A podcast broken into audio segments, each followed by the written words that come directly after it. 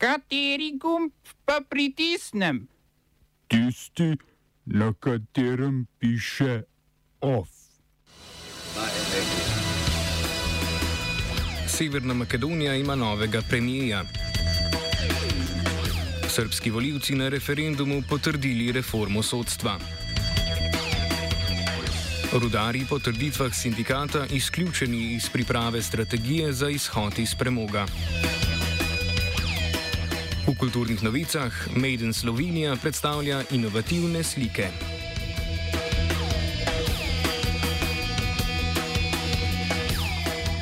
Makedonski parlament je Dimitarja Kovačevskega potrdil za novega premijeja Severne Makedonije. Za naslednika Zora Nazajeva je glasovalo 62 poslancev v 120 članskem parlamentu. Kot je dejal novi premijer, njegova izvolitev končuje razpravo o predčasnih volitvah. Kovačevski je namreč prevzel vodstvo socialdemokratov in vlade od Zora Nazajeva, ki je po porazu stranke na lokalnih volitvah sprva obljubil svoj odstop, si na to premislil, a na zadnje držal besedo. S premijejem je prisegel tudi prenovljeni vladni kabinet, v katerem naj bi več vpliva pridobile manjše koalicijske partnerice socialdemokratov, predvsem Albanska demokratična zveza za integracijo. Za ohranitev oblasti se bodo socialdemokrati morali še potruditi, saj pet koalicijskih partneric pogojuje podporo vladi s premembo volilnega sistema. Če ta v roku treh mesecev ne bo sprejeta, bodo izstopili iz vlade, so napovedali v strankah. Spremembe volilnega sistema naj bi ukinile šest volilnih okrožij, v katerih stranke kandidirajo s po 20 kandidati. Namesto tega bi uvedle enotne kandidatne liste strank po celotni državi, zaradi česar naj bi manjše stranke imele večje možnosti za boljše rezultate. Poleg tega bo prioriteta Kovačevskega spoprijemanje z energetsko krizo v državi.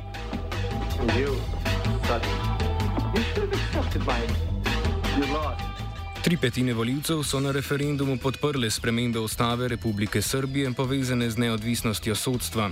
Referenduma se je udeležila manj kot tretjina volilnih upravičencev. Po spremembah naj bi sodstvo pridobilo več avtonomije od vladajoče politike.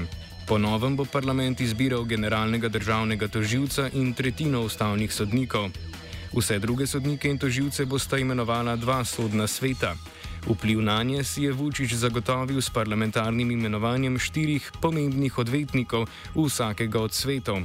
Ker ima Vučić v parlamentu trdno večino, opozicije pa v njem tako rekoč ni, opozicijske stranke opozarjajo na pomankljivost reforme in zavračajo njeno legitimnost.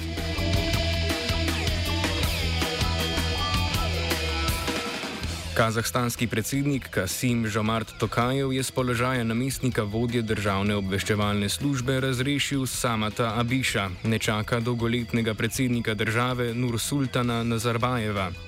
Predtem je Tokajev prevzel vodstvo obveščevalne agencije in dal pridržati vodjo agencije Karima Masimova, ki je obtožen izdaje. Ob revolucionarnem vrenju na ulicah Almatija in drugih kazahstanskih mest, ki je zaradi nasilnega posredovanja državnih sil in vojsk sosednjih držav zahtevalo več kot 200 življenj, so pomembne položaje izgubili tudi drugi vplivneži, povezani z nekdanjim predsednikom. Z vrha najvplivnejše lobistične organizacije kazahstanskih poslovnežev je tako odstopil Zed Nazarbajeva Timur Kulibajev, eden najbogatejših kazahstancev in lastnik največje banke v državi. V Kazahstanu so se začela pojavljati tudi namigovanja, da je nekdani predsednik preminil. To je namreč zatrdil vodja ruske liberalne demokratične stranke Vladimir Žirinovski. Kazahstanske oblasti pa trditve niso ne zanikale, ne potrdile.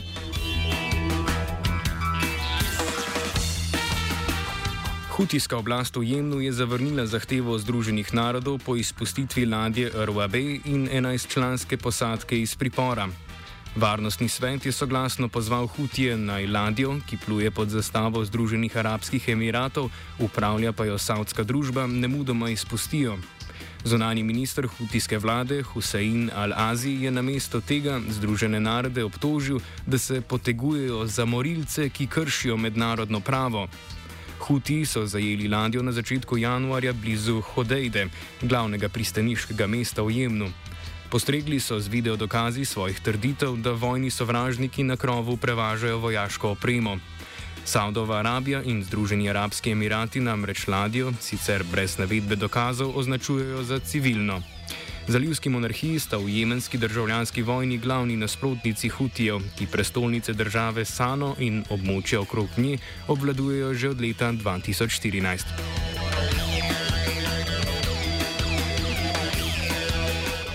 Premijer Združenega kraljestva Boris Johnson se je odločil zamrzniti višino prispevka, ki ga državljani plačujejo za javni servis British Broadcasting Corporation, krajše BBC.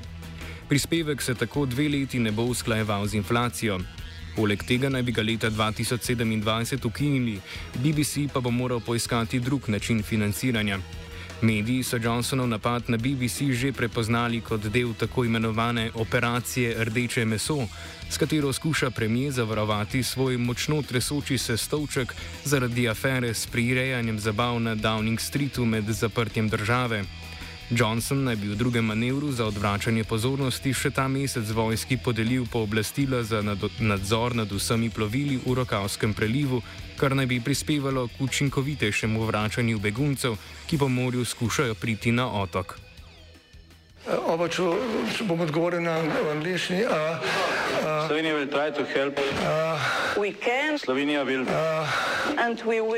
naš utmost, da bo rekla, da je situacija naš problem, naš. In mi bomo naredili nadaljnje korake, as soon as the conditions are. Bomo vlado Marjana Cererera Šarca podprli. Zelo, zelo resno. Slovenija. We know how and we will. Poslanec socialdemokratov Matjaž Nemec je v odziv na govorice o tajnem dogovoru Slovenije s Hrvaško napovedal sklic izredne seje parlamentarnega odbora za zunanje zadeve. Vir govoric je hrvaški portal morski.hr, ki je konec minulega tedna, sklicujoč se na anonimne ribiče, poročal o sestanku slovenske strani s hrvaškima ministroma za kmetijstvo in zunanje zadeve.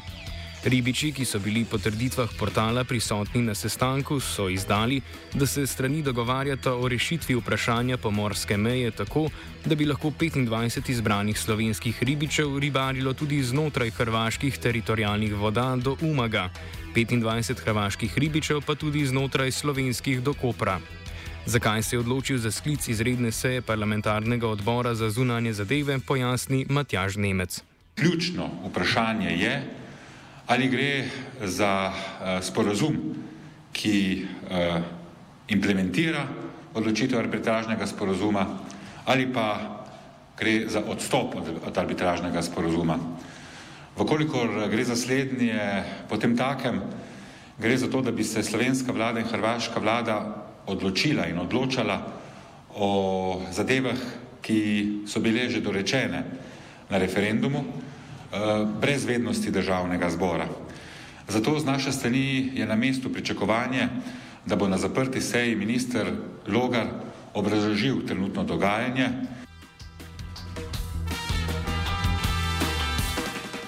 Sindikat delavcev rodarstva in energetike Slovenije je nacionalno strategijo za izstop iz premoga do leta 2033 označil za nepremišljeno. Rudari so bili po besedah sindikata izključeni iz priprave strategije. Vlada v strategiji, po mnenju sindikalistov, ni ponudila odgovorov na vprašanja, kakšna dela bodo zaposleni opravljali po letu 2033, kako bo Slovenija nadomestila tretjino proizvedene električne energije iz premoga in kako se bo ogrevala Šaleška dolina. Of je spisal Martin.